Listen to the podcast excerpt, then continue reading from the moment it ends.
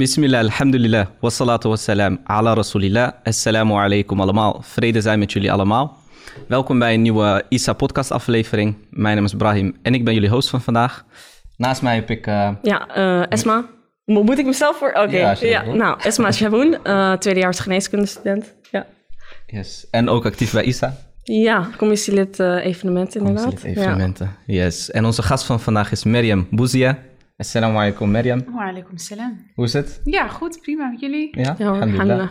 Prima. Zelf ook actief geweest in ISA? Ja, ja dus, zeker. Uh, jij ziet nu allemaal, uh, allemaal nieuwe gezichten om je ik heen. Ik zie allemaal nieuwe gezichten, één bekend gezicht. Maar uh, de liefde die ik vijf jaar geleden voelde bij ISA, die voel ik hier ook nu. dus wat dat betreft is er volgens mij weinig veranderd. Dat is mooi en ik zie dat jullie het allemaal heel goed doen en daar ben ik heel trots op. Dankjewel. Ja, dankjewel. Door. Ja. Gaan we zeker doen. Ik kan me ja, ook nog niet echt voorstellen hoe, hoe, gek het zal zijn, zeg maar, als je eenmaal weg bent. Nadat je zo intensief in een uh, vereniging hebt gezeten en dan terugkijkt. Ja, dus, ja. Uh, dus als ik in jouw schoenen sta, dan, uh, dan zal ik het ook zelf ervaren. Ja, ja zeker. Um, nou, Mirjam, um, laten we even teruggaan naar je studententijd. Mm -hmm. je hebt een aantal verschillende, verschillende studies heb je gedaan. Mm -hmm. je bent begonnen met een bachelor rechtsgeleerdheid in 2009. Ja. Um, het jaar daarop heb je een bachelor tandheelkunde gedaan. Ja. Uh, je hebt een master tandheelkunde gedaan. Ja. Je hebt een master gezondheidsrecht gedaan. Ja. En daarna ben je aan de slag gegaan als standaards. Ja. En je bent momenteel, momenteel aan het promoveren um, binnen de tandheelkunde. Ja. Kan je iets vertellen over je promotieonderzoek? Jazeker. Um, ik zal even vertellen waar het was begonnen. Uh, na zoveel studies te hebben gedaan en uh, aan, het eind, in, in, aan het einde van mijn opleiding uh, had ik zoiets van, oh, ik kan niet wachten tot ik ben uh, afgestudeerd. Ga ik lekker werken, ga ik geld verdienen en dan hoef ik nooit meer een, een universiteit of een, ook maar iets wat met boeken te maken heeft te zien. Ik had het even helemaal gehad. in de laatste fase van mijn tandheelkundeopleiding vroeg mijn scriptiebegeleider van, goh, je hebt ook rechten gedaan, vertel eens, hoe is dat zo gekomen? Uh, en die vond het een hele interessante combinatie, met name omdat ik gezondheidsrecht had gedaan uh, als specialisatie. Um, en die ging toen, uh, nou, die, die is een beetje gaan nadenken. En die kwam een paar dagen later kwam ze terug op het gesprek wat we hadden gehad. En die zei van, goh Mirjam, wat ben jij van plan om te doen na jouw studie? Nou, ik zei, nou, ik zal er geen doekjes om winnen. Ik, ja, ik ga lekker Ja. werken en geld verdienen. En nou, opleiding heeft zes jaar geduurd. Ik, ik vind het wel goed zo. En toen zei ze, ja, maar vind je het dan niet jammer dat, dat je al die, al die moeite die je hebt gedaan in je, in je opleiding en twee studies te, tegelijkertijd uh, die je hebt gedaan, dat je daar later niets, niets mee gaat doen of dat je daar nu in ieder geval geen idee van hebt? Ik zei, ja, dat, is, dat zou inderdaad jammer zijn. Ik, hoop nog wel dat ik wat met die combinatie kan doen. Zegt ze, nou, wat zou je ervan vinden om te gaan promoveren? Um, nou ja, dat idee, dat, dat schrok mij, daar schrikte ik eerst van af. Dat ik dacht van, nou, ik weet niet hoor. Ik heb promoveren. Ik zat een beetje met de, het standaardbeeld van, nou, dan zit ik ergens op een kantoortje met, met zo'n TL-buis en een kop koffie op tafel. en dan moet ik vier, vijf jaar lang van mijn, van mijn leven moet ik alleen maar in de boeken gaan zitten. Nou, toen vertelde ze van, nou nee, het kan hier parttime. Dan ga je dus gewoon twee of drie dagen in de week werk je als standaards. En de andere twee tot drie dagen dan werk je hier op ACTA. En dan nou, kun je promotieonderzoek doen. Je kunt het combineren. En nou, we zouden je graag hebben bij ons in het team. Um, nou, toen ben ik er um, over gaan praten met mijn echtgenoot en mijn moeder en mijn zus. En die hadden allemaal zoiets van, nou, dat is een hele mooie kans. die krijg je niet zomaar. ja, je zou gek zijn als je het niet doet. Dus uh, toen heb ik in mijn studententijd eigenlijk al aangegeven van is goed, ik, ik kom na mijn studie bij jullie promotieonderzoek doen. Um, ben er na mijn afstuderen twee maanden even tussenuit geweest en daarna eigenlijk nou, op de afdeling begonnen en een jaar later begonnen met promotieonderzoek. Um, en waar het over gaat, het gaat over taakherschikking in de mondzorg. het is nu zo dat in Nederland de mondhygiënist eigenlijk alleen preventie doet. Uh, die legt uit hoe je moet poetsen. Uh, die geeft uitleg over bepaalde uh, ziektes die je kunt hebben in de mond. die maakt schoon tandsteen, onder tandvlees, boven tandvlees. Um, dat zijn eigenlijk een beetje de taken van de mondhygiënist. En nou ja, de tandarts die doet eigenlijk de rest op het gebied van de tandheelkunde. Dus die doet boren, vullen, foto's maken, wortelkanaalbehandelingen, kiezen trekken, et cetera. Nou, nu wil het ministerie van VWS, die wil dus dat... Um, de mondhygiënistes wat meer bevoegdheden en taken gaan krijgen, die eigenlijk nu bij de tandarts horen. dat betekent dus dat in de toekomst de mondhygiëniste ook uh, een gaatje mag uh, vullen uh, en ook röntgenfoto's zou mogen maken, zonder dat daar een tandarts in de buurt hoeft te zijn of dat daar tussenkomst van een tandarts is. En wat is de overweging daarin? Is het dat de tandartsen te, te hoge werkdruk hebben op dit moment? En ja, ze zeggen dus van tandartsen moeten meer de tijd krijgen om complexere taken uit te voeren, zoals bijvoorbeeld implantologie of een prothese maken, dat soort dingen. Uh, of het begeleiden van uh, patiënten die uh, allerlei andere aandoeningen hebben. Um, en de mondhygiëniste die, ja, die, die kan ook wat simpelere taken van, van de tandarts overnemen. Dat zorgt ervoor dat de mondzorg toegankelijker wordt, dat de mondzorg goedkoper wordt. Ehm, nou goed, dat zijn een beetje de overwegingen. Zijn we het daar allemaal mee eens in het tandheelkunde? Nee. met name de tandartsen, die voelen zich natuurlijk bedreigd. Die zeggen van, ja, goh, weet je, de mondhygiënistes die, uh, ja... Gaan onze banen inpikken. Ja, ja, uh, ja. Dat, ja, gaatjes vullen is toch wel onze core business. En uh, dat willen wij dus niet zo graag overgeven ja. aan, aan de mondhygiënistes. Dus er zijn, um, ja, er zijn wel wat, er zijn wat ideeën over vanuit het ministerie van VWS, waarom het wel goed zou zijn. maar ja, met alles in de politiek is het maar de vraag van of daar ja, heel goed over nagedacht is en of er voldoende onderzoek naar is gedaan. Er is in ieder geval niet voldoende onderzoek naar het onderwerp taakherschikking. Um, hè, dus de, mijn promotiebegeleiders die, die, die hadden destijds, we praten nu over drie jaar geleden, al heel goed door van goh, uh, er is heel weinig onderzoek gedaan uh, op dat gebied. Uh, en daar moeten we gewoon wat meer mee. En omdat ik nou ook kennis heb van, van de wet, hadden ze zoiets van, mm. nou ja, weet je, die, die taakherschikking gaat ook gepaard met wetswijzigingen. Nou ja, Interessant, dus eigenlijk het ministerie van VWS die komt dan met zo'n beleid van we willen de taakherschikking doen, we willen dat mondhygiënisten meer taken gaan oppakken. Ja. Um, en dan is het de vraag, hebben ze goed genoeg onderzoek gedaan naar de voordelen en nadelen en hoe werkt zoiets eigenlijk in de praktijk? Ja. En toen heeft ACTA jou eigenlijk benaderd en gevraagd van hey, wil jij hier onderzoek naar doen? Ja. Naar hoe dit in de praktijk werkt? Ja. Oké. Ja. En dat, dat heeft dus... Uh, of jij bent bij uitstek daarvoor dus de geschikte kandidaat, omdat je zowel rechtsgeleerdheid hebt gestudeerd als tandheelkunde. Dat vonden zij, hè? Ja, dat, dat zeg jij zelf. en, um, want je bent eerst begonnen met een bachelor rechtsgeleerdheid ja. in 2009. Ja. Uh, en um, het jaar daarop ben je begonnen aan de bachelor tandheelkunde. Ja, klopt. Uh, waar is die keuze vandaan gekomen? Nou, ik uh, wilde altijd tandarts worden.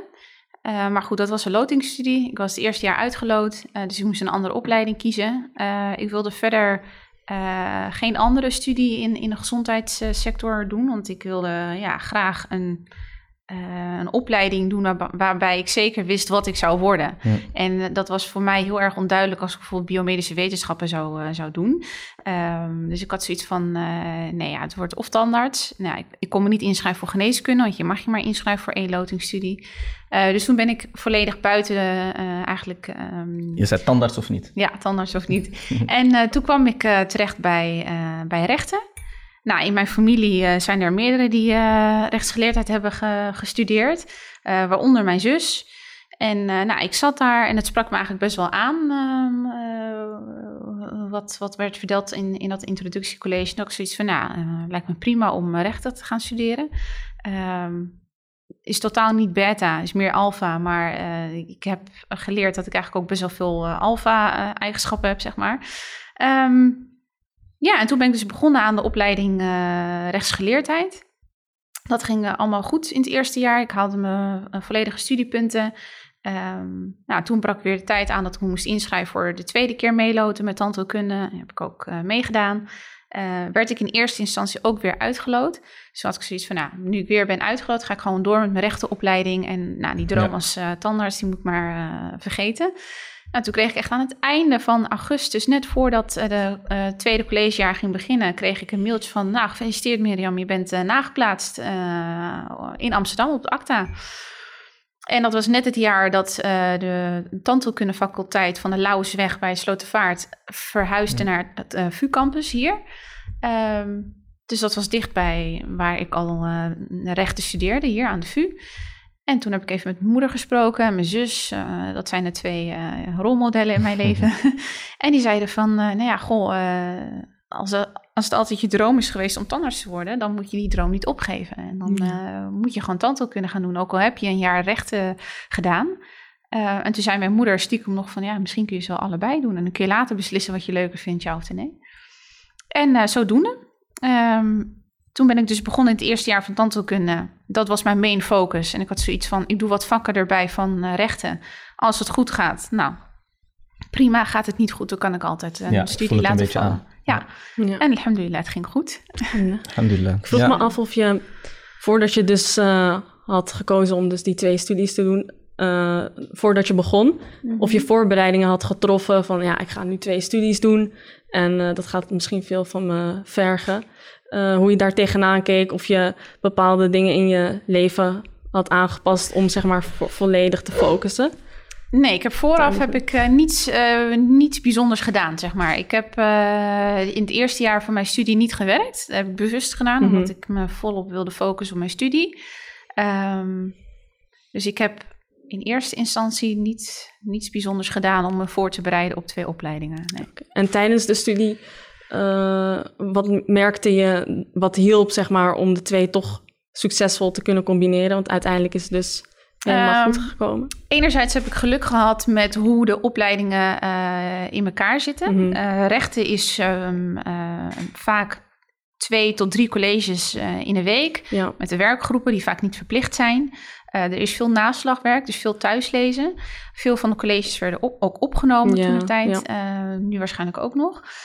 Dus um, voor rechten was het veel zelfstudie. Tandheelkunde was veel meer aanwezigheid. Dus als je aanwezig was, was het al, nou, had je eigenlijk in principe de helft van je, van je opleiding te pakken. En natuurlijk was er wel wat zelfstudie, maar dat was meer richting tentamens. Maar op het moment zelf, in de, in, ja, als het blok bezig was, dan moest je, moest je gewoon aanwezig zijn. Dus op die manier kon ik het ja, vrij goed ja. combineren.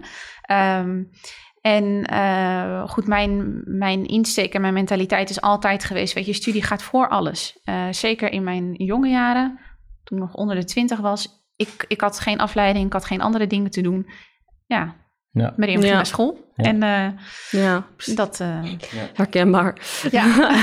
dus het verschil in de twee karakters van de studies plus de volledige focus op studie maakt het zeg maar mogelijk dat, het, uh, dat je die twee dus kon combineren. Ja. De een meer zelfstudie. Ja, de een meer zelfstudie en de andere meer ja. aanwezigheid. Dus, Mhm. uh, ja. Ik ben wel benieuwd, hè, Miriam, je had het net over afleiding. Je had geen afleiding in die Mhm. tijd. Ehm, nou, tegenwoordig hebben we best wel veel afleiding. Als Ja. we kijken naar eh, social media, en de smartphones die we hebben. We hebben eigenlijk constant wel iets bij ons wat ons kan eh, bezighouden. Mhm. En waardoor verveling eigenlijk geen ding meer is. Ehm, wat is... Want jij spreekt natuurlijk ook veel studenten. Je hebt, Op Mhm. een gegeven moment heb je ook in, eh, in ISA gezeten, Islamitische Studentenvereniging Amsterdam. Nou, Ja. Dat zal niet onbekend zijn bij de mensen die, eh, die deze podcast luisteren of bekijken. Ja. Ehm, is, dat een, is dat een pijnpunt die je ziet bij studenten? De, dus de, de, de afleiding en het misschien daardoor ook willen pronken en laten zien van waar je mee bezig bent?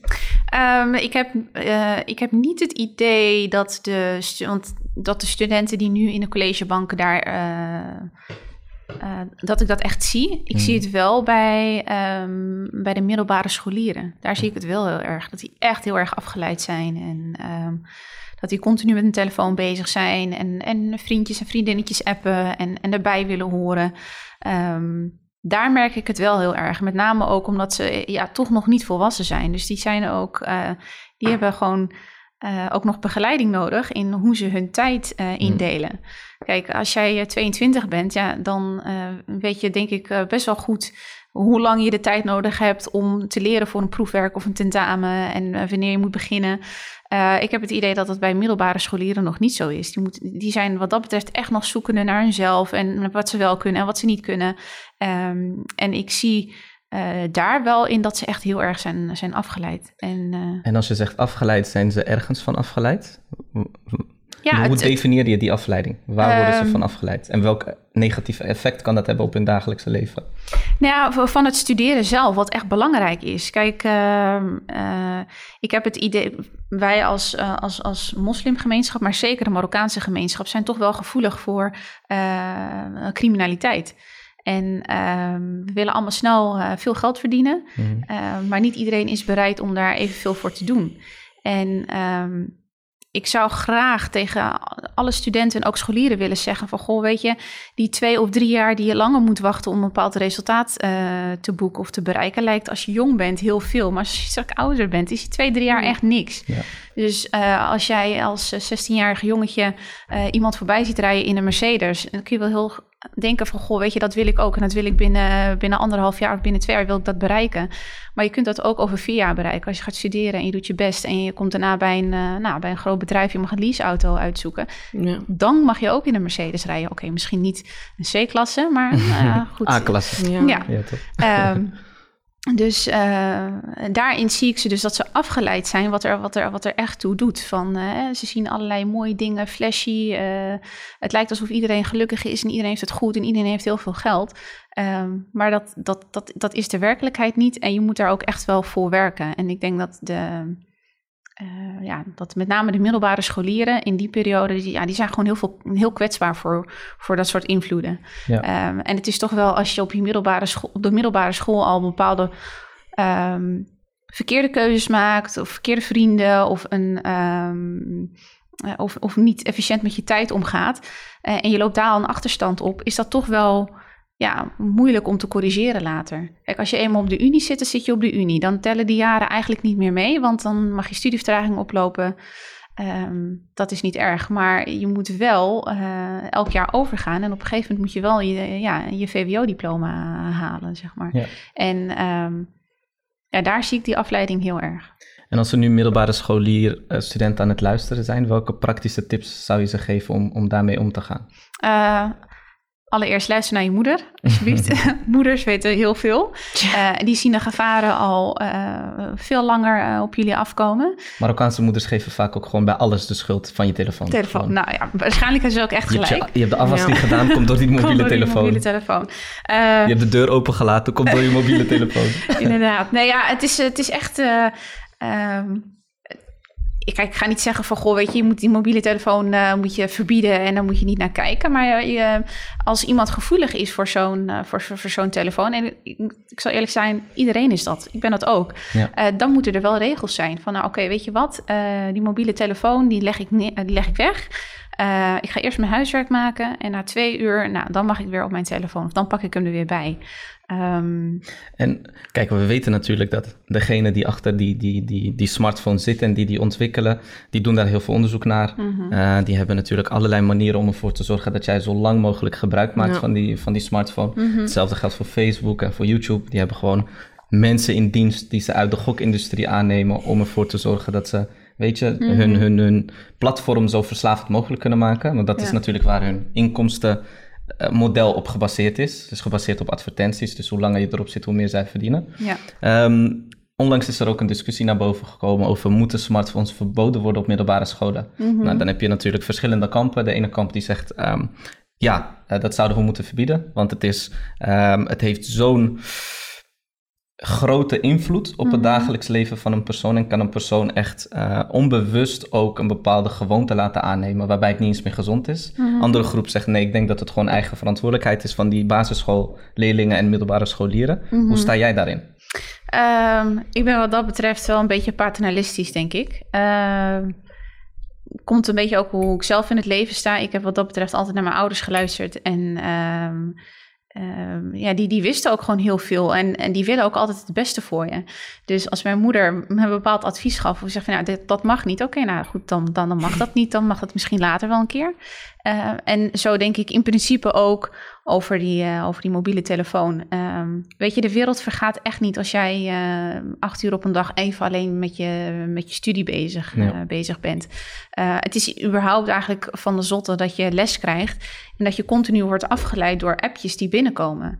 Um, ja, dus ik, ik ben daar zeker voorstander van. Um, en ik heb zoiets van, ja, als je een tegendeel, tegendeel hebt bewezen, um, dan mag je zometeen uh, die telefoon overal mee naartoe nemen. Maar ja. voor die tijd... Ja, Moet ik ben, je laten ik ben, zien dat je het aan kan. Ja, ik ben er gewoon echt heel erg huiverig voor. Vooral ook mm -hmm. omdat echt eh, de, de wereld is zo klein geworden. Alles is bereikbaar, weet je. Je bent...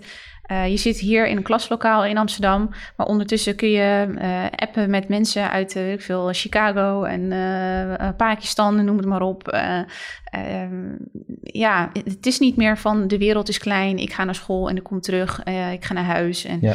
en, je bent ook een, een prooi voor alles en iedereen. Eh, of dat nou uh, ja, reclamebureaus zijn of uh, ja, andere predators, zeg maar. Maar je, je bent wel een prooi. Kijk, ik ben ook geen expert op het gebied van, nee, van onderwijs, maar... hoe nu dat ze moeten aanpakken. Maar ik denk wel dat het belangrijk is dat je bepaalde momenten hebt, dat je ervoor zorgt dat je echt kan focussen. Mhm. Ja. ik heb onlangs dat boek Deep Work, heb ik ehm, een deel van gelezen. Ik ga eerlijk zijn, ik heb het niet helemaal gelezen. Deep Work. Maar het gaat eigenlijk over een, een een modus waarbij je mhm. gewoon eh, echt gefocust bent, waarbij je geen afleiding hebt en waarbij je in een staat komt dat je taken kan oppakken die niet routinematig zijn. Mhm. Dus als jij bijvoorbeeld een groot project hebt mhm. en er moet een overzicht komen van dat project en er moet echt nagedacht worden over, oké, welke personen zetten we hier en welke factoren spelen mee en et cetera, et cetera. Daarvoor moet je in een bepaalde staat komen waarbij je echt deep work kan doen. Mhm.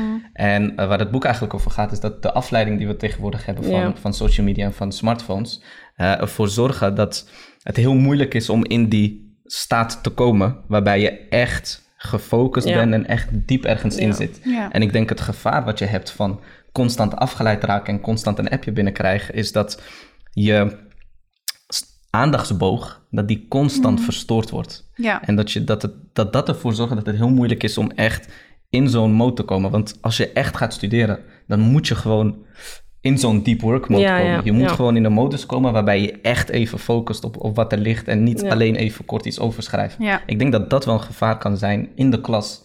Uh, als je constant afgeleid kan raken. Ik weet niet hoe jij dat tegenaan kijkt. Ja, nee, precies hetzelfde. Ik kan me daar volledig bij, uh, bij aansluiten. Ik ben niet voor een algeheel verbod, maar meer tijdens de les. Ja, en, en, eigenlijk tijdens de les moet je sowieso je telefoon weghouden. Want als iemand college staat te geven of les staat te geven, mag je je telefoon eigenlijk überhaupt niet op tafel hebben of wat dan ook. Um, en als je dat, uh, weet je, tijdens de les, je loopt naar een andere lokaal toe, dat je dan even op je telefoon zit. Ja, dat is jouw vrije tijd. En, ja, precies. dat is prima. Ik bedoel echt tijdens de lessen, dat, of tijdens colleges of wat dan ook Weet je, berg die telefoon op. Mhm. Ehm, ja, eh, dat is het, met, dat met name. En weet je ook, um, uh, communiceer ook gewoon met de mensen om je heen. Mhm. er, is ook nog een hele wereld en een omgeving om jou heen. en die verdienen het ook om af en toe met elkaar te praten en noem het maar op. Het is echt niet dat je ja, alleen maar bezig moet zijn met, met mensen die je kunnen appen en noem het maar op. Er zijn ook hele leuke mensen om je heen waar je mee kunt praten.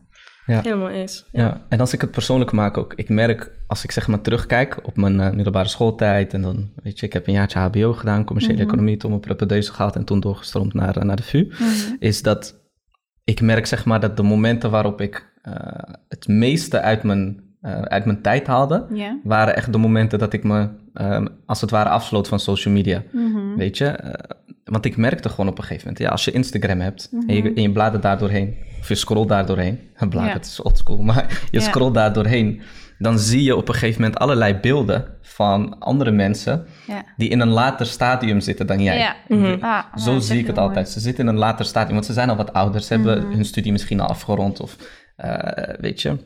Uh, dus ze zitten in een later stadium en ze hebben al de successen, niet successen, maar ze hebben al de dingen bereikt waar die jij graag wilt bereiken. Mhm. En ik denk dat een groot stuk van dat ongeduld, waar je, wat je net beschreef, uh, vandaan kan komen als je constant kijkt naar mensen die al uit het proces of door het proces heen zijn gegaan waar jij in zit. Ja. Uh, en als je constant daar je focus op legt, dan wil je heel graag je proces afmaken. Dus bijvoorbeeld mhm. je studie afgerond hebben. Uh, en bij profvoetballers specifiek, dat is wel interessant eigenlijk. Want profvoetballers die zijn vaak wat jonger als ze zeg maar in zo'n succesmoment zitten. Weet je, die zijn al 20, 21. Dus dan kan je al snel als je aan het studeren bent, jouw leven gaan vergelijken met zijn leven. En denken, ja, maar kijk, hij rijdt wel die dikke Mercedes en hij wil dit of dat. Dus ik merk dat het moment dat ik me echt begon af te sluiten, oké, weg met Instagram, weg met Snapchat, weg met al die dingen en gewoon even echt gewoon intern gefocust zijn. Dan ga je echt het, het, het beste presteren. Omdat je Ja. het ook niet doet omdat je erkenning zoekt van een ander. Of je bent gewoon echt bezig met je, met je eigen ontwikkeling. Ik weet Ja. niet of jij dat ook herkent in jouw studententijd. Eh, nou, niet zozeer mijn studententijd, maar ik zie het wel. eh en dat is een heel treffende vergelijking met, met profvoetballers. En dan neem ik bijvoorbeeld het voorbeeld van, eh van Depay. Mhm. Eh, toen hij hier nog eh, in Nederland speelde, toen werd hij eh, ja, de hemel ingeprezen. Want oh, dat was zo'n goede voetballer en toekomst, noem het maar op. Ja, die gaat naar Manchester United. Komt daar in, ja, in, de, in, de, in de Engelse scene. eh, leert van uitgaan, leert van eh, ja, veel geld uitgeven en noem het maar op. En allerlei sterren om hem heen. Ja. En die raakt afgeleid. Ja, en waar is Depay over eh, Ja. een, jaar, twee jaar? Ja, die is er niet meer. Die heeft eigenlijk niets bereikt bij Manchester United. En die moet dan daarna weer helemaal opnieuw beginnen. En zo werkt het in, ja, eigenlijk een beetje in je studentenperiode ook. Er kan in het begin heel veel potentie in zitten. Maar als je dan raakt afgeleid, kan het zo snel gaan...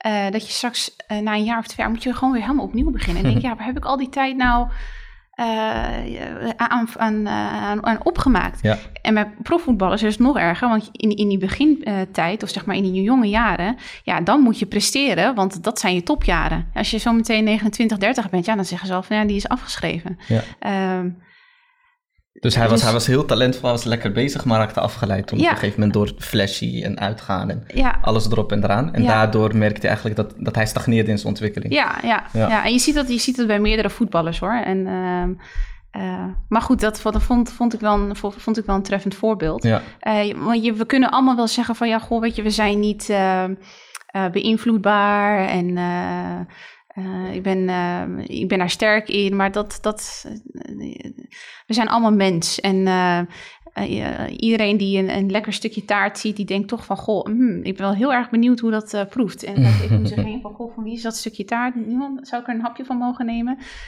We herkennen allemaal wat, wat, wat, wat, wat leuk is, wat mooi is. Dat, we zijn niet blind. En Ja. dus, ja, afleiding is zeker, zeker een groot ding. Ja.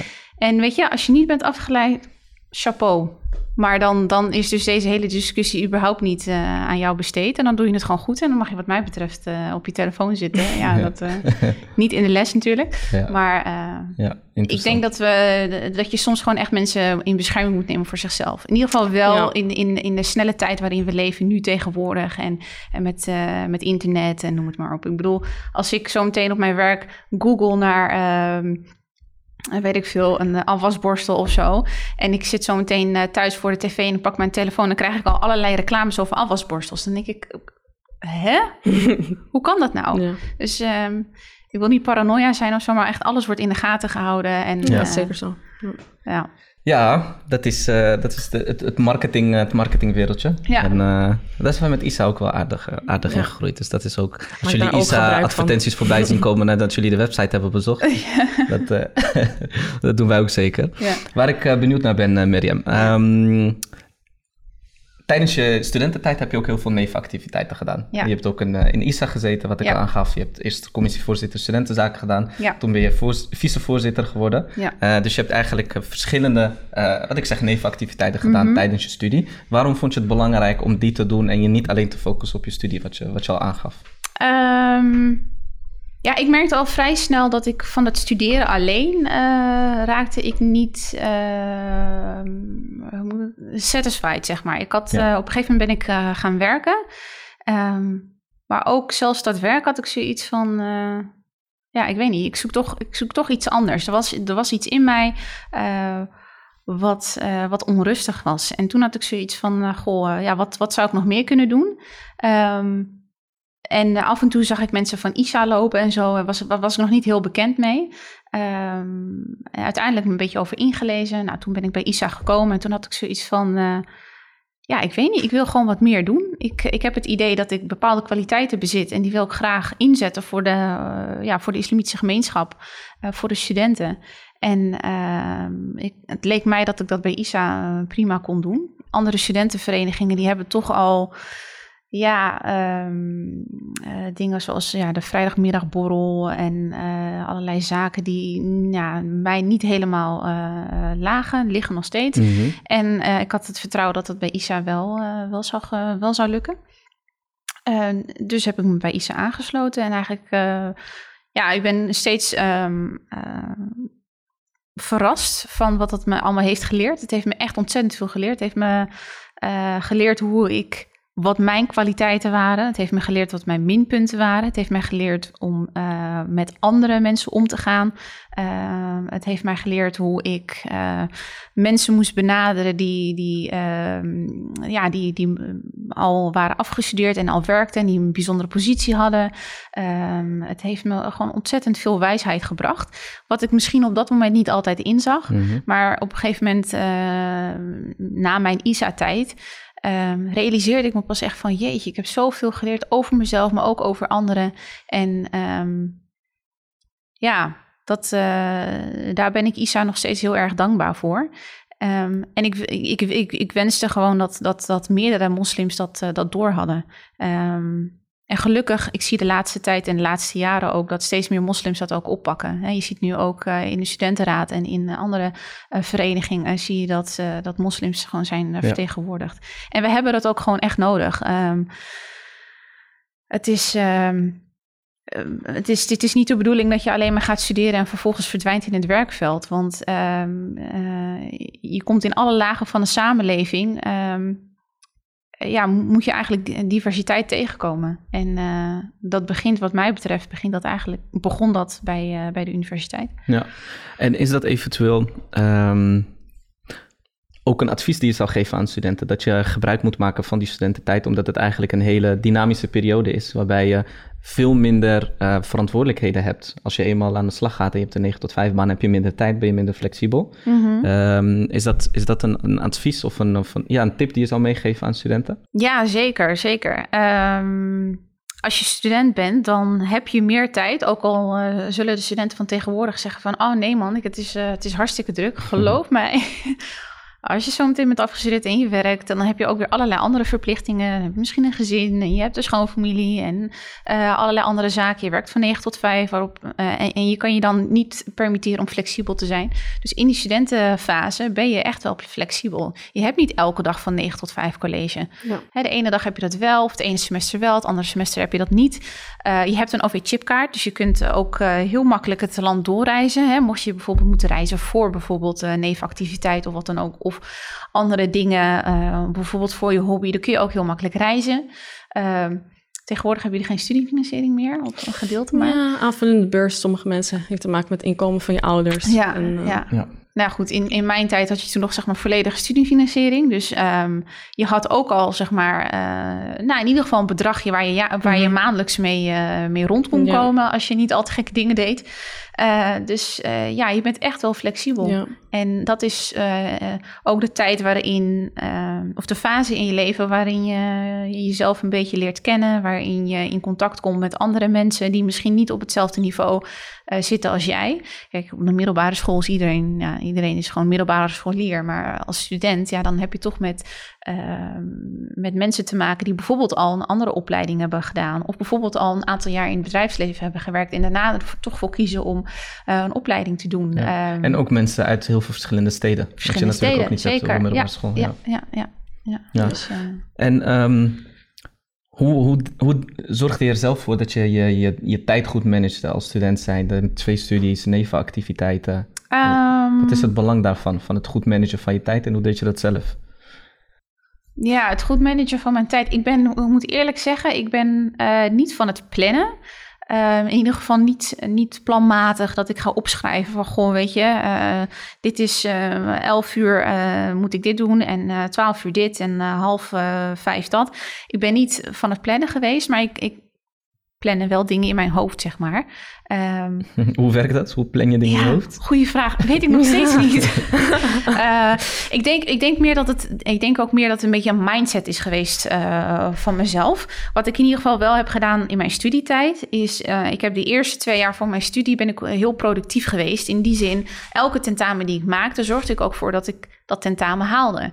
Want anders blijf je maar achter de feiten aanhollen. Als ik in het eerste jaar van mijn rechtenopleiding niet alle tentamens had gehaald, dan was ik dus in het tweede jaar al met een achterstand begonnen. En dan had ik bijvoorbeeld die tweede opleiding, ja, had, ja. was mij waarschijnlijk dan niet gelukt. Mhm. Dus doordat ik al die studie, studiepunten had binnengehaald, kon ik me volledig focussen op het tweede jaar tand, of uh, eerste jaar tandheelkunde en het tweede jaar rechtsgeleerdheid.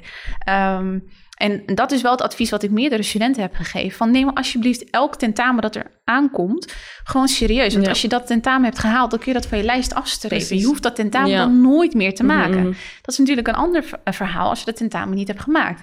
Dan weet je niet hoe vaak je dat tentamen nog moet herkansen. Dus zorg er gewoon voor dat eh, het moment dat je begint aan zo'n semester, dat je dan gewoon je tentamen goed maakt. Eh, dat heb je gehaald, kun je dat afstrepen. En dan heb je weer nou ja, tijd, Ja. tijd voor andere zaken. Ik Ja. denk dat dat ehm, mij het meeste heeft geholpen. Dus niet eens zozeer eh, plannen. Want ik ging gewoon naar mijn colleges. Ik maakte aantekeningen als ik thuis kwam. Dan eh, ging ik ofwel voorbereiden voor de volgende dag, ofwel niet. Maar ik had. En dan, dan kwam tentamenweek erbij. En dan ging ik ging studeren en volop studeren. Want ik wilde zeker weten dat ik tenta- dat tentamen haalde. Dan hoefde, ik, daar, hoefde ik daar niet meer over eh, na te denken. Ehm, wat ik zelf eh, merk bij mezelf, zeg maar, wat betreft eh, time management en nevenactiviteiten. Ik heb zeg maar geprobeerd eh, in verschillende fases erachter te komen eh, hoe ik het het beste kan balanceren. Want als ik nu op een rijtje zet wat ik allemaal doe, dan denk ik af en toe van gewoon puur op papier ziet het er echt heel veel uit. Dan denk ik van hè, je, bent je bent een beetje, je gaat een beetje te ver nu. Maar ik heb een periode gehad dat ik helemaal bijna niks deed naast mijn studie. En dat zijn niet de momenten geweest dat ik het hoogste scoorde of zo op mijn tentamens.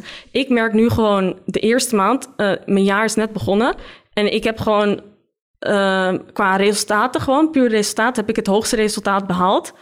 Terwijl ik nu, zeg maar, qua nevenactiviteiten en drukte op, zeg maar, in mijn piekperiode zit.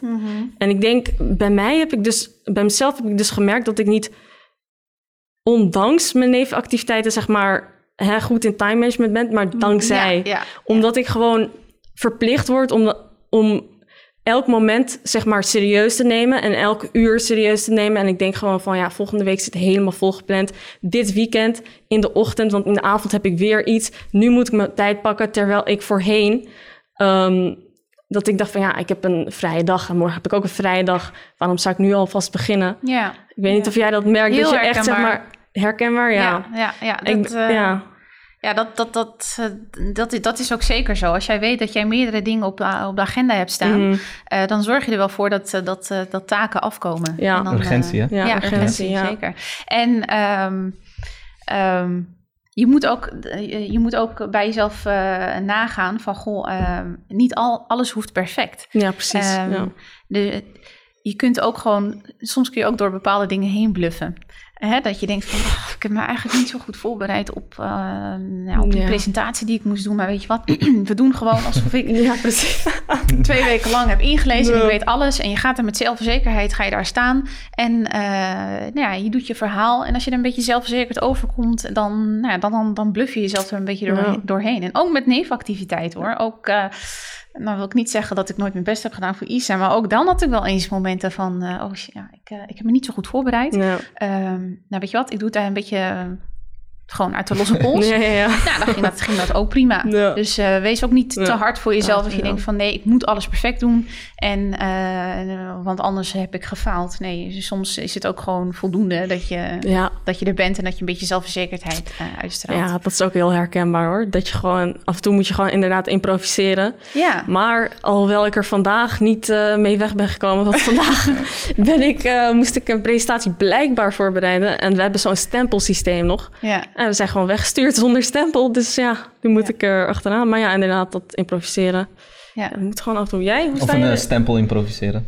Stempel Nee, improviseren. Nou, nee, ik er Klinkt wel achteraan gegaan. Hè. Ik, ik ga er wel achteraan. Ik ga wel mailen en dan naar de coördinator. Hoe kunnen we het oplossen, bla bla. Ja. Maar hoe doe, je, hoe doe jij het, zeg maar? Want jij hebt ook, ja, I Mhm. guess, best wel druk. Mhm.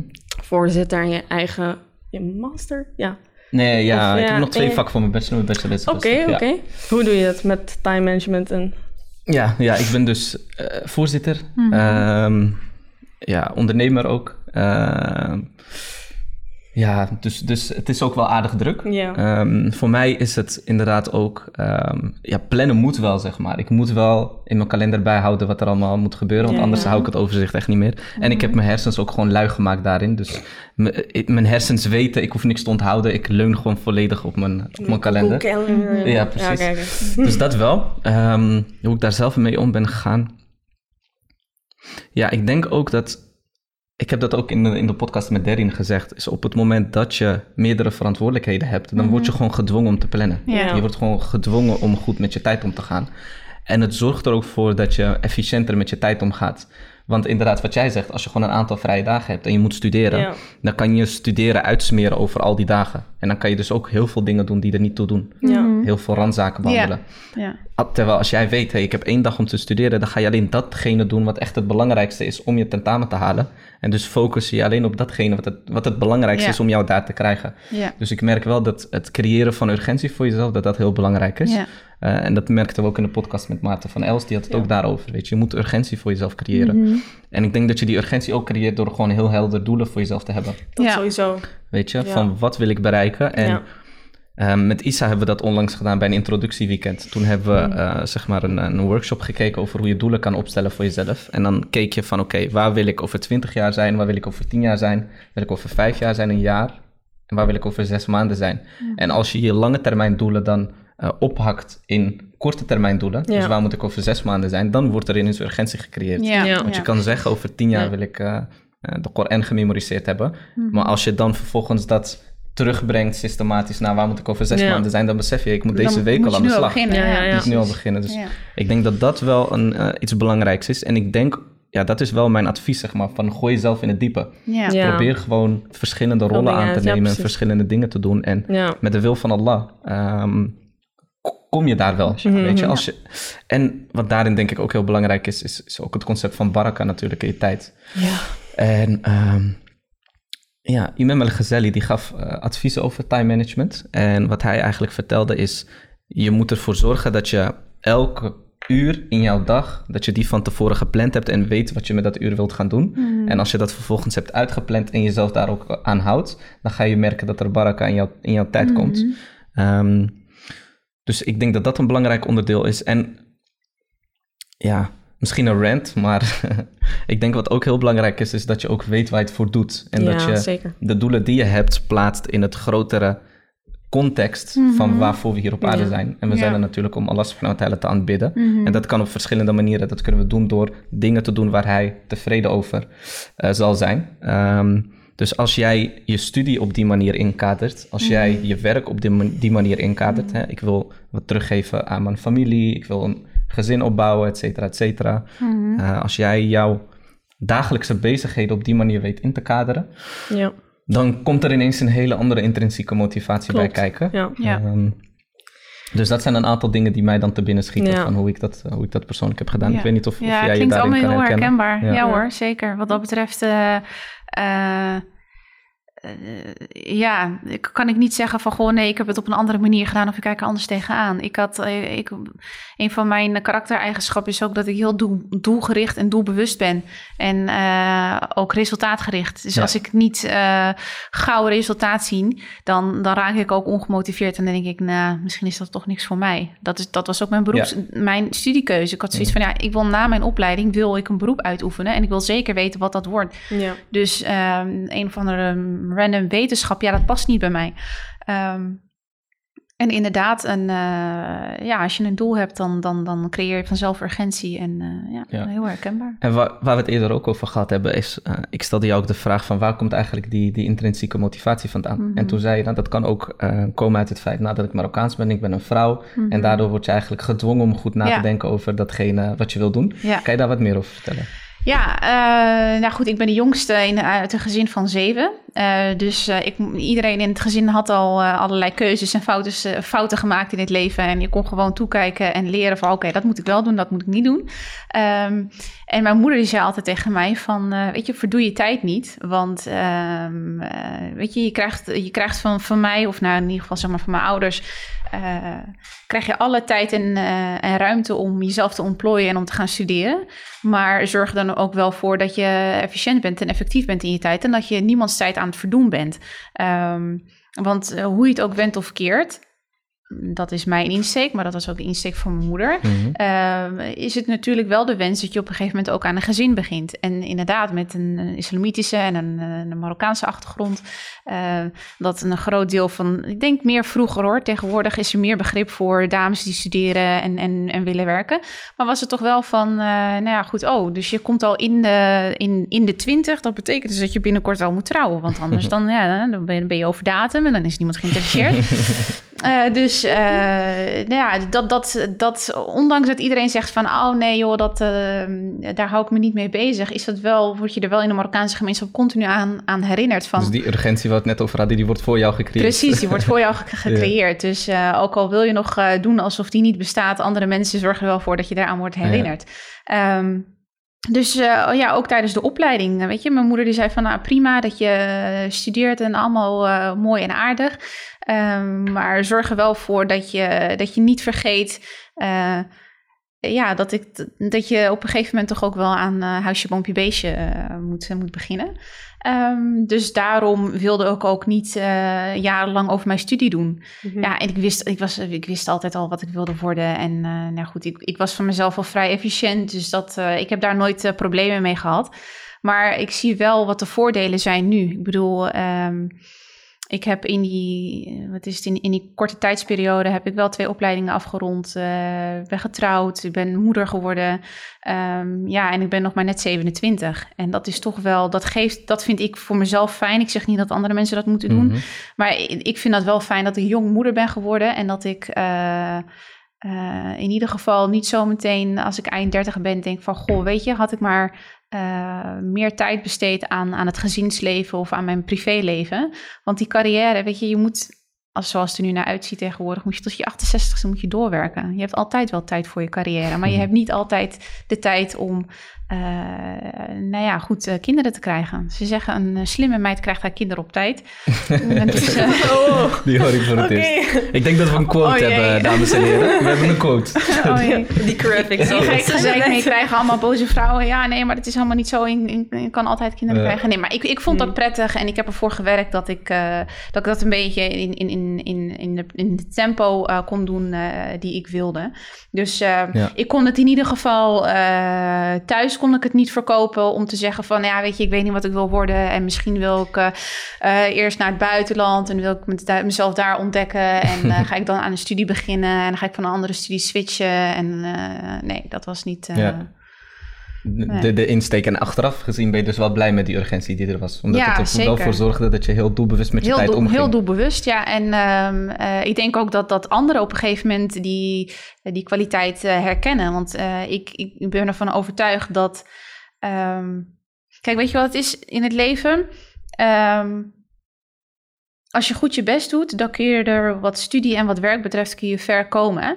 Um, alleen zou het leven voor mij ontzettend leeg zijn als ik dat niet met iemand kan delen. Als ik bijvoorbeeld thuis kom, als ik geen uh, uh, kindjes om me heen heb of en een, een, een, een, een, een echtgenoot en een, gewoon een gezinsleven waar ik, uh, waar ik thuis zou kunnen komen. dus dat, dat was voor mij altijd heel belangrijk. Um, ja, dan ben Want ik hoe, even... hoe oud was je toen je trouwde? 24. 24, oké. Okay. Ja.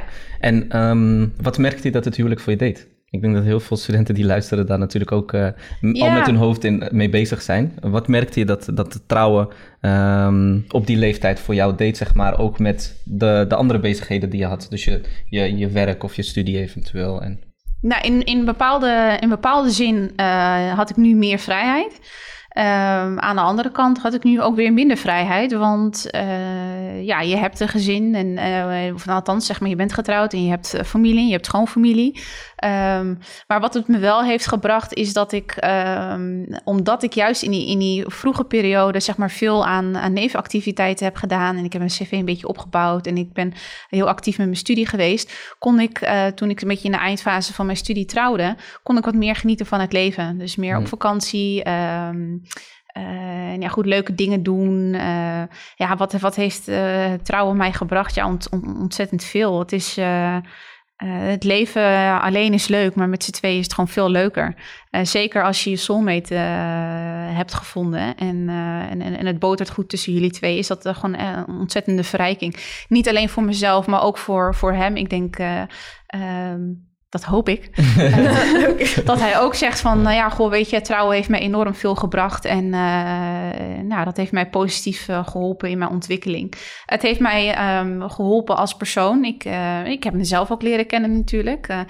ja, bij je ouders ben je gewoon alleen en kun je kun je zijn wie je wil zijn. Maar ja, nu heb je te maken met, met, met iemand waar je dag en nacht mee samen bent. En die af en toe gewoon zegt van, uh, ja uh, Mirjam, maar uh, die doe jij altijd. En weet je wel dat, dat dit een irritante karaktereigenschap is. Ehm, ja, dus zo leer je ook weer jezelf kennen. Ja. Um, ja. Ja, interessant. En je had het net al over, eigenlijk tijdens je studententijd heb je ook uh, je cv gebouwd mm-hmm. uh, met de nevenactiviteiten die je deed. Was dat ja. ook een bewuste insteek van jou uh, in mijn studententijd van hey, ik wil bezig zijn met andere dingen zodat ik me ook onderscheid van de rest? Ja, zeker, zeker. Um ik, weet je, de tijd had ik al. En uh, ik heb zoiets van, als ik zo meteen afstudeer, wil ik niet te horen krijgen van, uh, ja, weet je, we zoeken toch iemand met meer ervaring. Wat je, wat je wel veel hoort. Dat, dat je heel goed een, een opleiding kunt doen en je bent dan afgestudeerd, maar dat ze eigenlijk allemaal een beetje uh, liever iemand hebben met meer ervaring. Dus dacht ik, nou, dan moet ik die ervaring maar zelf, zelf gaan opzoeken. Um, en nou ja, goed, um, ik kwam natuurlijk uit een, groot gezin. En dus ik zag hoe mijn broers het allemaal deden en mijn zus. Dus ik wist gewoon dat dat, dat gewoon belangrijk is. Dat je meer te bieden hebt dan alleen, dan alleen die opleiding. Weet je, want te studeren met jou, ja, uh, tig mensen af. Maar ja, wat maakt jou uniek en waarom moet iemand jou aannemen? Nou, dan kun je er zelf in onderscheiden door ofwel een andere studie te doen als je daar tijd voor hebt ofwel een bijzondere hobby, uh, ofwel een, een, extra taal erbij gaat leren, of uh, ja, nevenactiviteiten gaat doen. Uh, en het zorgt er ook voor dat je, dat je net, netwerk groter wordt. Dus het is niet eens zozeer voor cv-building, maar ook voor het netwerken. En wij zijn daar als moslimgemeenschap zijn we daar niet zo goed in. we hebben allemaal zoiets van, nou ja, de, grote boze wereld met allemaal blanke mensen. En uh, ja, we weten niet zo goed hoe we ons daarin moeten mengen. Uh, terwijl je heel veel aan je netwerk kunt hebben.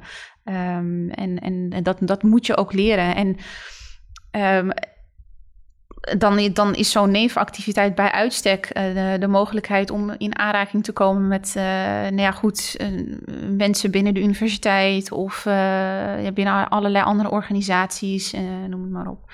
Dus dus netwerken was een groot onderdeel van, uh, van uh, jouw studententijd. En, en ja. wat je haalde uit die nevenactiviteiten die je deed. Mm -hmm. um, bezocht je verder netwerkavonden? Um, hoe, hoe, was je daar heel bewust mee bezig? Of nee, is dat meer achteraf um, dat het je opviel? Ik was er niet zozeer bewust mee bezig voor mezelf. Mhm. Mm -hmm. uh, op de ene, ja, als standaard heb je je netwerk niet zo heel erg nodig als bijvoorbeeld uh, je zo meteen ja, jurist bent of uh, je, je, hebt een MBA of zo. Dan, dan moet je denk ik wat meer van je netwerk hebben. maar wel vanuit ISA uh, heb ik wel eens een netwerkbijeenkomst uh, georganiseerd of uh, een congres voor, of wat is het, een seminar voor, voor ondernemerschap, juist om mensen met elkaar in verbinding te brengen. Want hoe je het ook bent of keert, we hebben als moslimgemeenschap zijn we nog heel erg jong jong in Nederland, maar ook jong in, in, uh, in, uh, in de academische scene. En uh, we kunnen een steuntje in de rug kunnen we gewoon goed gebruiken. En um, tot op de dag van vandaag zie ik nog steeds dat heel veel mensen ja, meiden en jongens gewoon een beetje moeite hebben om, om zichzelf te, ja, te presenteren. Of om uh, een beetje zelfverzekerd over te komen. Hoe komt dat, denk je? Waar komt dat vandaan? Uh, ja, dat vind ik een beetje lastig om te zeggen waar het vandaan komt. Ik ben zelf niet echt onzeker geweest, eigenlijk nooit geweest. Um, maar wat ik wel zie is dat uh, heel veel meiden uh, dat wel hadden op de een of andere manier. Misschien toch wel een beetje vanuit de opvoeding van, hè, weet je, je moet niet opvallen en ja, je moet een beetje, een beetje stil zijn en... Ja, dat denk ik hoor. Ik, weet, ik weet het niet zeker. Um, Herken jij dat ook, Esma, van mensen om je heen? Van dames om Van je heen? onzekerheid? Of, Mhm. ja, van... Ja. eh, Ja. Nou, on- onzeker niet per se. Kijk, ik ben natuurlijk om, om, ik ben een beetje omringd door eh, gelijkgezinde, soortgelijke Mhm. mensen. Eh, ik zit in een vriendengroep waar iedereen gewoon heel erg enthousiast allemaal 3000 dingen buiten studie doet. Mhm. En eh, heel erg extravert en bezig en alles aanpakken. Dus ik zie, dat, ik zie niet per se zozeer onzekerheid wat betreft uh, jezelf willen laten zien. Mhm. Maar ja, meer een beetje puberale onzekerheid wat betreft uh, wat oppervlakkige zaken. Maar uh, ja, nee, niet echt. In mijn, omge in mijn directe omgeving niet echt. En ja, nee, jij wel dan? Ja. Jij wel? nee, ja. Nou, ik, wat we, waar we het wel over hadden bij de podcast met Derin ook wel, is dat je wel veel ziet dat. Um, en dat, me, dat besefte ik me later eigenlijk pas. Ook met veel vrienden om mij heen. Mm -hmm. uh, vaak van uh, buitenlandse afkomst. Dat je wel heel erg snel geneigd bent om elkaar op te zoeken. En toch wat meer ja, in, je wel, eigen, in je eigen comfortzone te blijven. Ja. Weet je, dus uh, ja, je bent al sn snel geneigd om naar elkaar, naar elkaar toe te trekken. Ja. En het hoeft niet per se iets negatiefs te zijn. Ik denk Mhm. ook wel dat het natuurlijk is, zeg maar, dat je, dat je mensen opzoekt die Ja, veel overeenkomsten met jou hebben. Maar het kan wel uh, ervoor zorgen dat het jou hindert in jouw uh, proces van het netwerken. Mhm. Zeker. Als jij dus bijvoorbeeld op een avond bent waar je de mogelijkheid hebt om nieuwe mensen te leren kennen. Uh, dat je dan heel erg bij elkaar gaat blijven plakken. En zoals Derin zijn, met je, met je Mattimo of Abdel uh, blijft hangen. Mhm. Dus, dus, dus ik merk wel dat uh, ja, dat het er wel voor kan zorgen dat, dat je te veel in je comfortzone blijft zitten. En ik denk dat dat wel iets is waar je wel scherp op moet zijn. Van hey, probeer ook uit, uit je comfortzone, uit je Ja. bubbel te stappen en met, met andere mensen gewoon uh, het gesprek aan te gaan. Maar zeg Ja. jij nu dat die onzekerheid zorgt, ervoor zorgt dat mensen elkaar opzoeken? Of, want we hebben het volgens mij op twee ja, nee, ik denk dat de, de, de onzekerheid van jezelf presenteren aan Mhm. anderen... Ervoor zorgt dat je elkaar opzoekt omdat je op elkaar lijkt. of juist ervoor kan zorgen dat je Ja, soortgelijken opzoekt, omdat daar jouw comfortzone ligt. Ja, Want sowieso, vaak ja. bestaat jouw vriendengroep uit diezelfde Ja. Zeker, jongens van ja. buitenlandse afkomst. Dus dat is gewoon jouw comfortzone, daar ben je comfortabel. nee, En ja. als je dus eh, misschien onzekerheid hebt over jezelf presenteren aan anderen, omdat je misschien denkt, ja, ik weet niet hoe zij naar mij zullen kijken als Ja, ja. moslim of als Marokkaan zijnde, Ja. ja. dan kan het wel een belemmering worden, Zeker. omdat het ervoor zorgt dat je niet ja. met mensen gaat communiceren, netwerken die, die buiten jouw bubbel zitten, als het ware. Ja. Ik weet niet of je dat ook, Ja. of je dat ook terugziet bij, bij, bij studenten. Ehm, ja, wat ik wel terugzie inderdaad, Mhm. is dat, je, dat, dat mensen wel een beetje bij elkaar blijven. Hè, inderdaad, je voelt Ja. je in een, een comfortzone en je blijft een beetje staan bij de mensen die je kent. En eh, eh, dat, dat zie ik eh, zeker wel eens terug. Ehm, wat ik ook wel eens zie is dat, ehm, dat onze be- be- bevolkingsgroep zeg maar, het ook moeilijk vindt om te switchen. Dus ehm, Oeh, de, ja, daar hadden we het ook over. Ja. eh, laat ik het even gewoon in, in, in Mohamed en Abdel praten. De Mohamed die, die hij is als hij met eh, Mus- Mustafa en Abdel is, zeg maar. eh, eh, is, is, is bijvoorbeeld gezellig, een beetje eh, Marokkaanse straattaal ertussen. Maar op een gegeven moment staan daar eh, Hans, Piet en, eh, en Erwin. Ja, en eh, ja, dan eh, krijgt een moment een beetje een droge keel. En denkt, oh juist, hoe moet ik mezelf eh, hier Ja, nou ja, eh, ja, ja. presenteren? En dat is wel heel belangrijk, ook in het netwerken, dat je kunt omschakelen. Ja, ja, ja. Ik zeg niet dat je je je anders moet doen dan je bent, of dat je je identiteit opzij moet schuiven, maar je moet wel kunnen schakelen. Ehm, en ik, eh, wat ik zeg maar in mijn, in mijn studententijd zag en in mijn, eh, het is zelfs nu, nu, nu ik werk, dat mensen die niet eh, snel kunnen schakelen, of die eigenlijk Mm. gewend zijn om met een bepaald type persoon of een bepaalde type mens om te gaan, dat die heel moeilijk aarden in bijvoorbeeld het bedrijfsleven, in Mhm. bijvoorbeeld eh, Ja, ja, ja. op, op, de, op, op, de, op, op kantoor. Denk je dat dat een ook. kwaliteit is die je moet ontwikkelen? Ja, dat je dat moet zeker. trainen? Ja, zeker. Dat moet je, dat moet je trainen. En eh, daarom kwam ik terug op, op die onzekerheid. Je moet ook op een gegeven moment denken van... ja, kan me niks schelen wat je van, van mij Ja. denkt. ja. Ik ben wie ik ben. Ehm, eh, want ja, kijk, eh, zul je op, op precies hetzelfde niveau staan als, als die Hans en die Erwin die ik, net, die ik net, net noemde? Nee, waarschijnlijk niet. Maar dat betekent niet dat je minder bent. Dus je moet even vergeten dat ze een bepaalde opinie over je vormen of wat dan ook. Of dat die, dat die mening of vooroordeel eh, ja, er is, dat, dat, dat boeit niet. Jij bent wie jij bent en jij hebt net zoveel eh, recht om daar te staan en te zijn wie je bent als, als zij dat zijn. Ja. Ehm, ik merk het ook wel eens als ik naar een congres ga. Ja, weet je, de grootste gedeelte van eh, de, de tandartsen, die, die zijn nog altijd ja, eh, blanke mannen. een beetje eind 50, begin 60. Ja. Nou, er zitten een paar jonge eh, vrouwen tussen. Maar er zitten vrij weinig mensen met een eh, hoofddoek of met een, met een baard. Die, die zitten er vrij weinig tussen. Dus ik merk ook wel als ik zo'n zaal binnenkom... dat iedereen toch wel een beetje denkt van... Ja, niet dat ze zeggen van, goh, je bent niet welkom. Maar iedereen zit wel een beetje aan te kijken ja van... goh, Ja. Wie zou dat nou zijn? Kijk wie er nou En komt wat- binnenlopen. Ja, Ja. en, en, en wat, en wat is haar verhaal? Wat zou ze doen? Want je trekt gewoon de aandacht. Ja. En Eh, wat, kan, je, kan je het beschrijven? Dus die, die, hoe- jij, jij komt zo'n zaal binnenlopen en je ziet zo die halve blikken naar je kijken. Wat gaat er op dat moment door, jou, door jouw hoofd heen? Beschrijf dat nou, proces. in ieder geval geen moment, geen moment denk ik dat ik minder ben dan zij. Ik zal geen moment aan mezelf twijfelen. Van, goh, eh, oh jee, ja, eh, ja ik, ik ben net afgestudeerd. Ik hoor hier eigenlijk helemaal niet. Of Mhm, eh, ja, weet je, Ja. mijn ouders die waren ongeletterd en an- analfabeet toen ze hier naartoe kwamen. Dus ik heb hier eigenlijk, ja, ik ben eigenlijk maar dochter van, van een boer en een boerin. Geen moment denk ik dat. Ik heb altijd zoiets van, weet je, ik heb net zoveel eh, recht om hier te zijn als jullie. En ik weet ook net zoveel.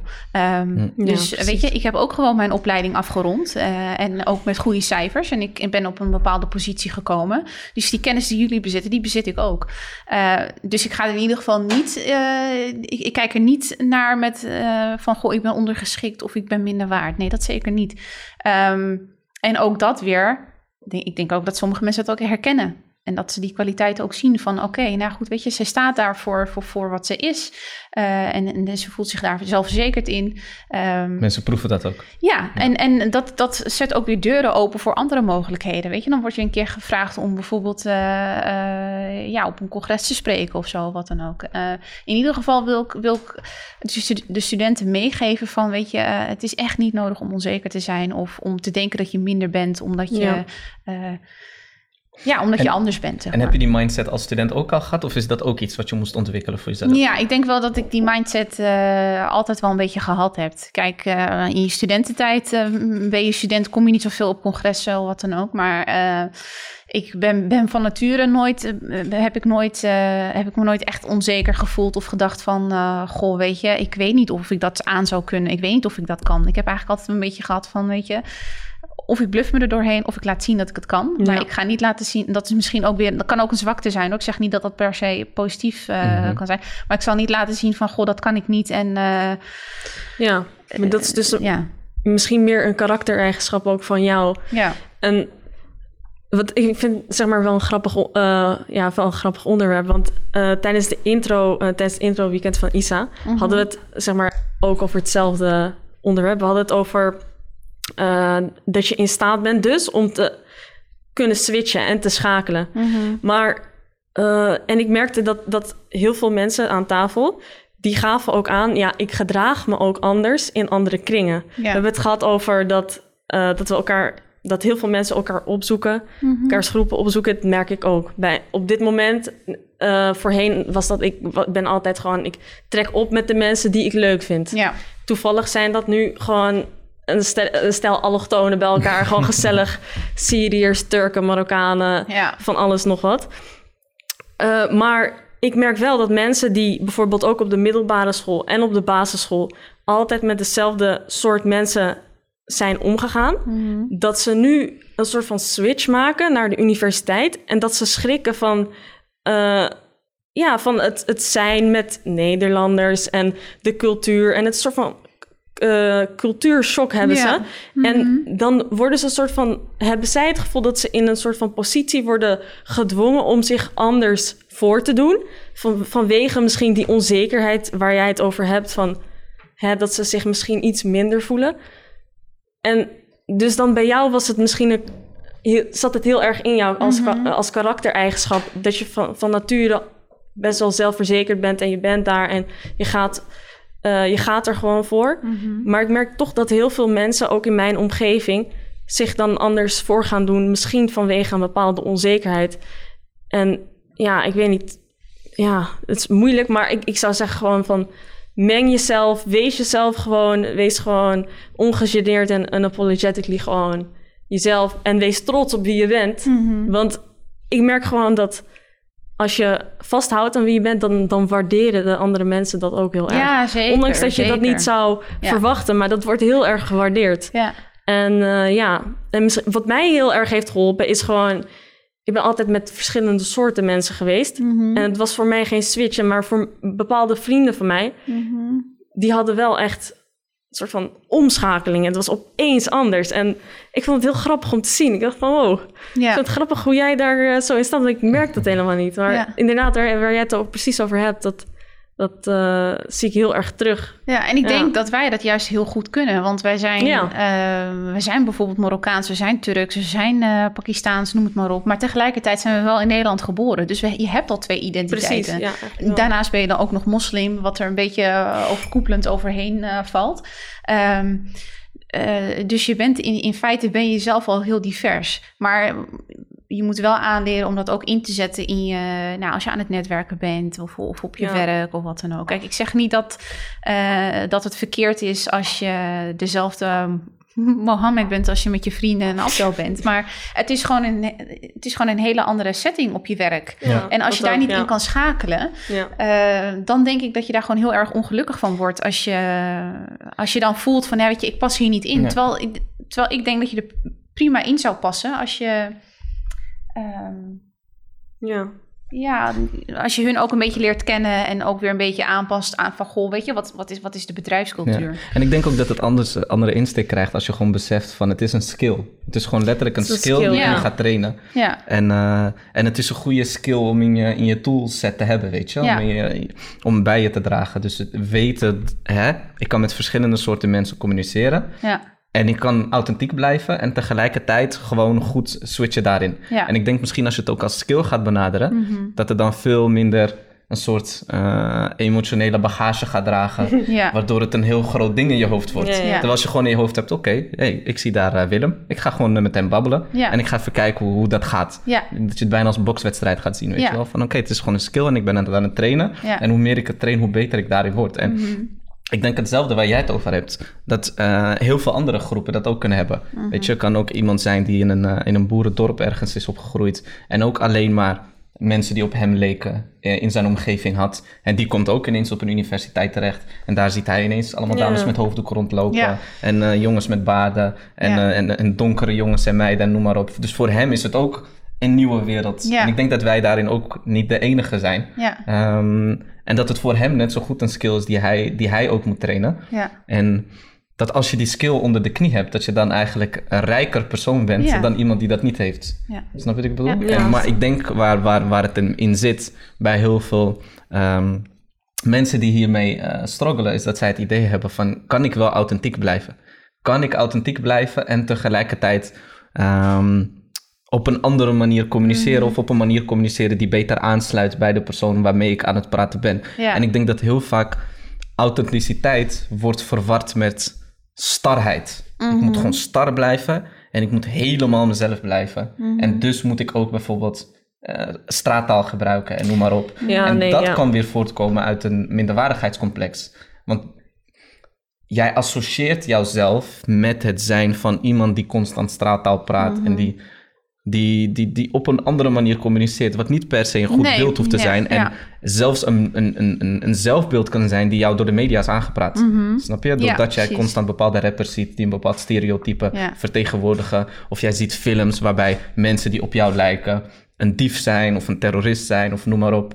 Dus onbewust ben je ze- jezelf een zelfbeeld aan het aanpraten Mhm. van iemand.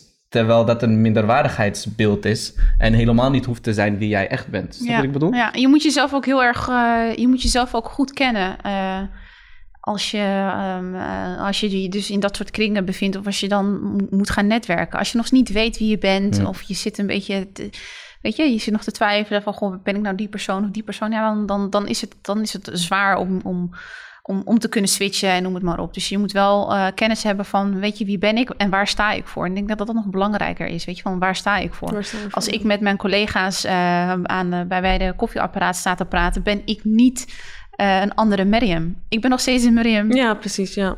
Die ik ben. Ehm, alleen heb ik ook andere kwaliteiten. En die zet ik dan op, die, op dat moment zet ik die Ja. kwaliteiten in, Ja. zeg maar. Weet Ja. je? Dan, ik, ik ga dan eh, bijvoorbeeld een, niet met termen strooien of als inshallah of alhamdulillah. Wat dan, want ik weet, ja, weet je, Ja, ja. die begrijpen ze toch Nee, niet. nee. Ja. Dus eh, is het niet zozeer dat ik mijn identi- identiteit Mm. verlogen, maar ik pas me gewoon aan naar... Ja, Weet je hoe ik dat zie? Als een eh, winkelverkoper die meerdere producten heeft en je kijkt gewoon welke producten kan ik aanbieden Op dat waar moment, mijn ja. klant behoefte aan heeft. Mhm. Dus gewoon waarde leveren. Ja. En dus als je het zo bekijkt, is het niet jezelf anders voorlogenen dan dat je bent. Maar Ja. gewoon, je hebt een, een breed assortiment Ja. aan, aan dingen die je kan geven Ja. aan de ander. Mhm. En wat kan ik geven aan de ander waar hij of zij waarde uit haalt? Ja, ja. Ik denk dat dat een goede beeldspraak is om te begrijpen dat... Snap je? Het is niet jezelf verlogenen, maar het is Mhm. gewoon ja, geven waar, ja, waar je Ja. waarde kan leveren. Ja, en dat kun je perfect eh, eh, oefenen in- tijdens je studententijd. Als je dus Mhm. nevenactiviteiten doet. Als je alleen maar naar college Ja. gaat, je gaat vervolgens terug naar huis. Ja. En eh, je maakt je tentamens en, en je gaat naar je werk. Ja, dan... Ja, misschien in dat een je het sociale bubbel. Ja, misschien dat je het op je werk eh, eh, dan ook al leert. Maar eh, goed, weet je, meestal zijn de studentenbaantjes toch, eh, weet je, achter de kassa of in, in de catering of wat dan ook, of eh, in de horeca. Eh, dan kan je die kwaliteiten nog kan je niet, eh, niet echt oefenen. Terwijl eh, in, in een studentenvereniging of in een, eh, in een studentenraad of wat dan ook, ja, dan, dan kun je die, die kwaliteit oefenen. En dan mag je Mhm. fouten maken. Want ja, weet je, dan zeggen ze, nou, Mhm. die is jong, Ja. noem het maar op. Maar als je zo meteen bent afgestudeerd en je hebt een baan en je hebt verantwoordelijkheden, noem maar op, dan kun je bepaalde fouten, die, die, Ja. die worden, daar word je dan op afgerekend. Ja. En eh, ja, Ja. daarom zou ik dus zeggen van, weet je, maak gebruik van, van je studententijd. gelijk, ja.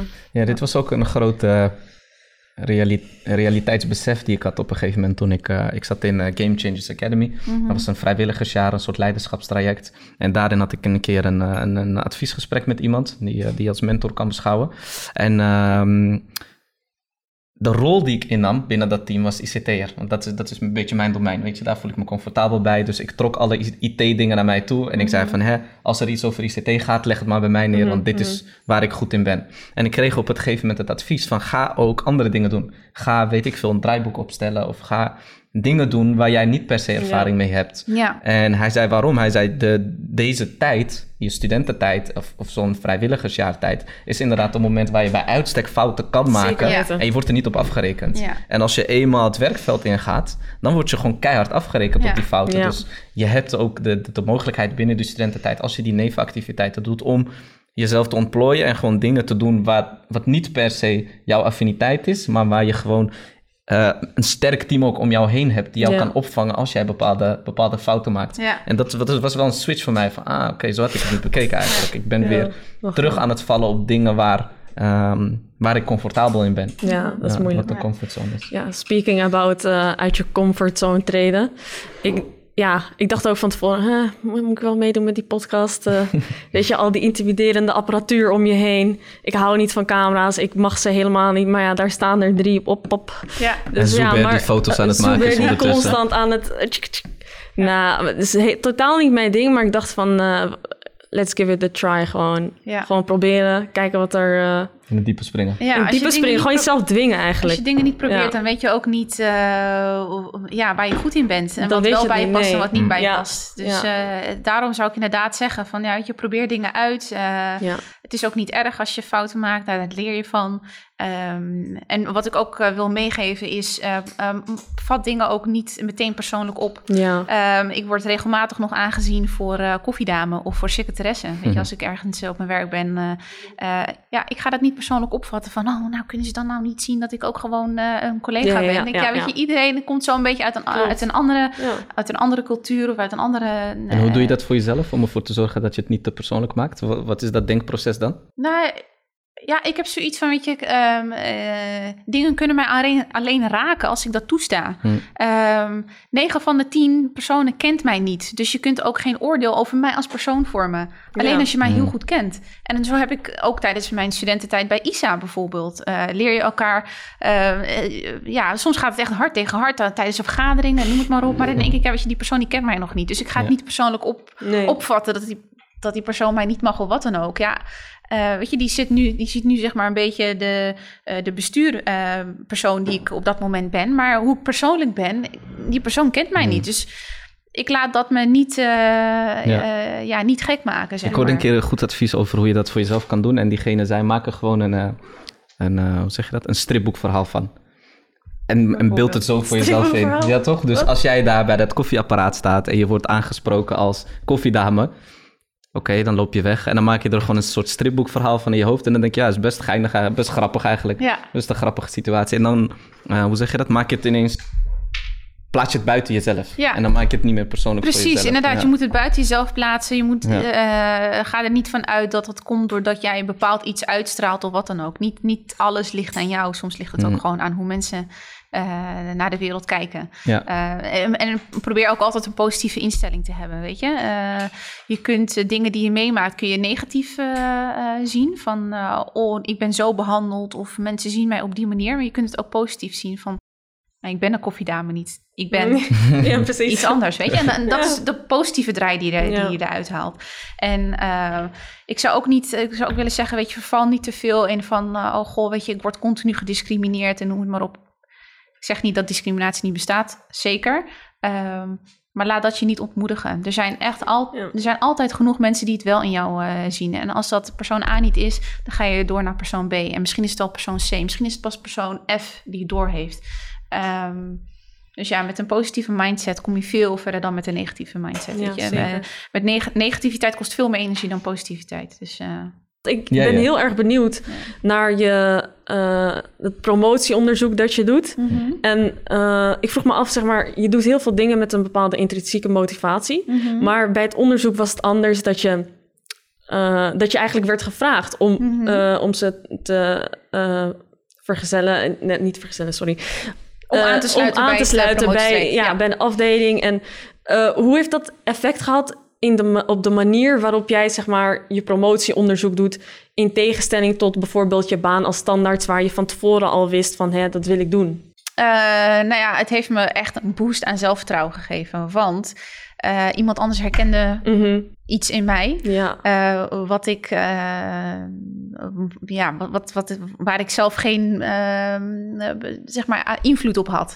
Dus het heeft me, wat dat betreft, heeft het me nog een boost gegeven Ja. aan, aan zelfvertrouwen. Van zie je nou wel, ik kan het wel. En zie, er zitten bepaalde kwaliteiten Ja. in mij, die ik er misschien zelf niet altijd uit kan halen. Maar met de juiste mensen komt dat toch vanzelf naar boven. ja, Ehm, dus dat heeft ervoor gezorgd dat ik, ja, dat ik ehm, sterker in het leven ben gaan staan.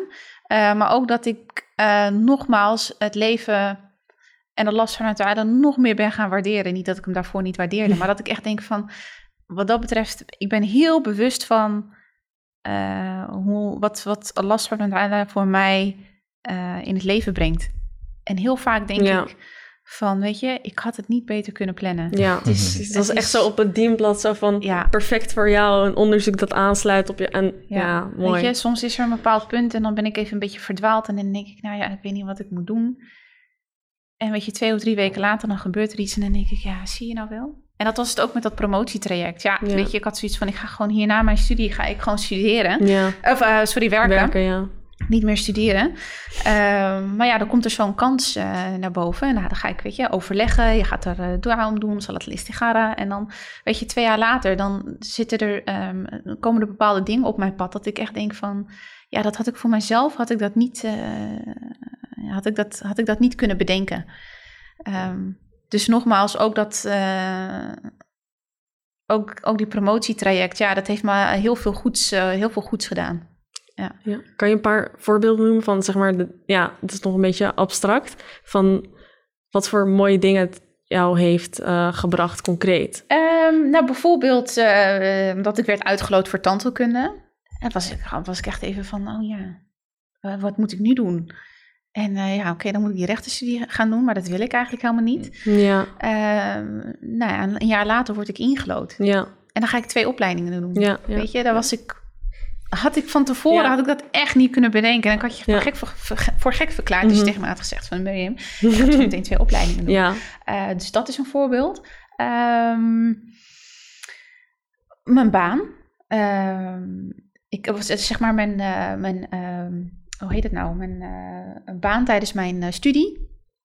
had ik ook had ik ook niet verwacht dat ik, dat, uh, dat ik die baan zou krijgen. Maar ik ben een tijdje uh, secretaresse geweest van een medisch adviseur. Dus dat was een arts die um, juridisch advies gaf in letselzaken. Okay. Dus hij was arts, maar hij gaf advies in, nou, in, in juridische zaken. Dus dat, dat, dat, dat was perfect uh, voor, de, voor de master die ik deed, gezondheidsrecht. Mm -hmm. dat, dat, dat paste eh, perfect bij elkaar. Had ik ook van tevoren eh, Niet, niet kunnen bedenken dat ik, eh, dat ik dat zou doen. En, en ja, goed. trouwen, ook, ook weer zoiets van. Weet je, soms denk je dat iets goeds voor je is, maar Mhm. dan blijkt er dat iemand iets, dat last van talen toch iets beter voor jou in petto heeft. Ehm, Ja. Dus wat dat betreft. Ja, ben ik, ben ik ontzettend, eh, ja, ben ik last van Nathan ontzettend dankbaar voor, voor, de, voor de leiding die hij Ja, mij continu in het leven geeft. En dat is ook heel erg belangrijk. Dat je jezelf kent, maar ook dat je in connectie staat met, met, met, met je schepper. Dat je op het moment dat je verdwaald bent eh, en je denkt van, weet je, niemand eh, kan mij helpen of ik weet niet wat goed voor mij is. eh, een dua is zo'n krachtig wapen. Dat is Zeker, echt, ja. die kun je altijd inzetten. Mhm. En eh, je krijgt geheid resultaten. Misschien niet Ja. altijd het resultaat wat je verwacht, maar wel het resultaat dat, wat goed voor jou is. En Ja. wat, wat, wat moest zijn. Ja. En ook het moeder zijn. Dat, was, dat had ik ook niet gepland. Ja. Maar het is me toch een cadeau. Het is het, het is het mooiste wat er is in het leven. En eh, Ja, ik vind het heel mooi wat, wat je net aangaf over dat, eh, de leiding die je van Allah subhanahu wa ta'ala krijgt. Mhm. Ehm, ik weet nog dat we een, eh, een podcastaflevering deden met eh Dr. Altaf Hussein, mhm, ook gepromoveerd. En ehm, we stelden hem een vraag over time management. mhm. En het eerste advies wat hij gaf is: Mijn beste time management advies is: eh, zorg dat je je gebedsschema beschermt. Mhm. Want als je die beschermt, dan zal je de vruchten van jouw gebeden door de dag heen merken. Mhm. En eh, zul je de, de leiding van Allah subhanahu wa ta'ala verkrijgen op die manier. Ja, Eh, en ik denk al heel snel kunnen we vervallen in het denken dat het traject wat wij belopen, of de opleiding die wij doen en, en, en de werk die wij doen en alle inzet die wij vertonen, dat, dat, dat wij dat zo hebben bedacht. Ja. En dat het gaat zo omdat Ja. wij dat zo hebben ingekaderd. Het resultaat aan ons te danken is. En, wij- Ja, ja, nee, ja, ja, ja. Terwijl dat is, dat verkrijgen we allemaal met, met inderdaad zijn- de leiding van ja, Allah subhanahu wa ja, ta'ala. ja. En, en dat is een, een heel, ehm, heel goed om jezelf daar, daar bewust Dan- van te zijn. Ja, precies. Ja, Ja, ja, dus dat hoor ik nu ook weer, eh, ook weer terug. ja. Dus eh, ja. Ja.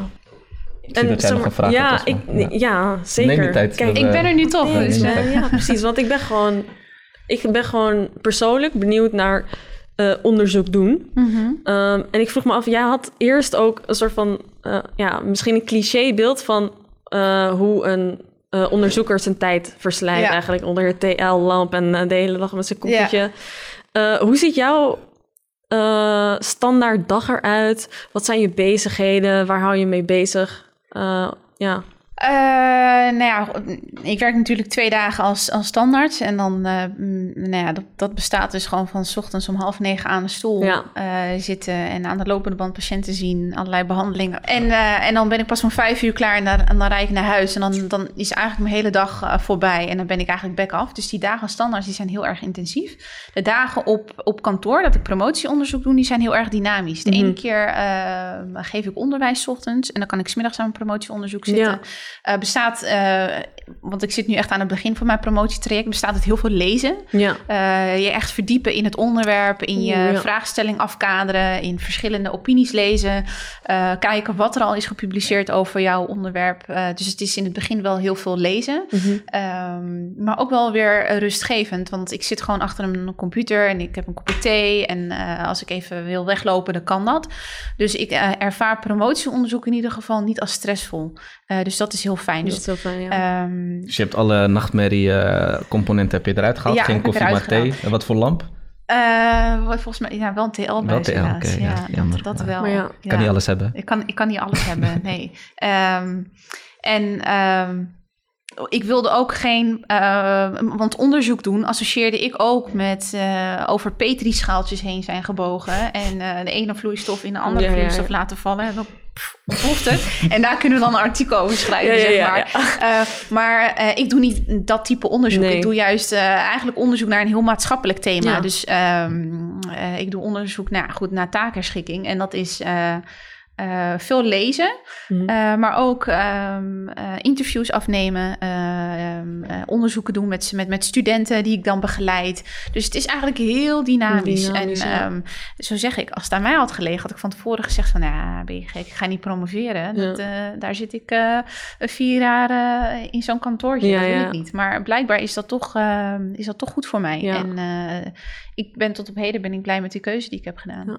Ja. gemaakt. En ehm, ik zou ook iedereen willen aanraden, weet je, krijg je een kans om te gaan promoveren of heb je die uh, uh, aspiratie, ga daar vooral mee verder. Want we zien dat de studentenpopulatie heel erg divers is, ook binnen ACTA heel veel uh, mensen van verschillende achtergronden en culturen.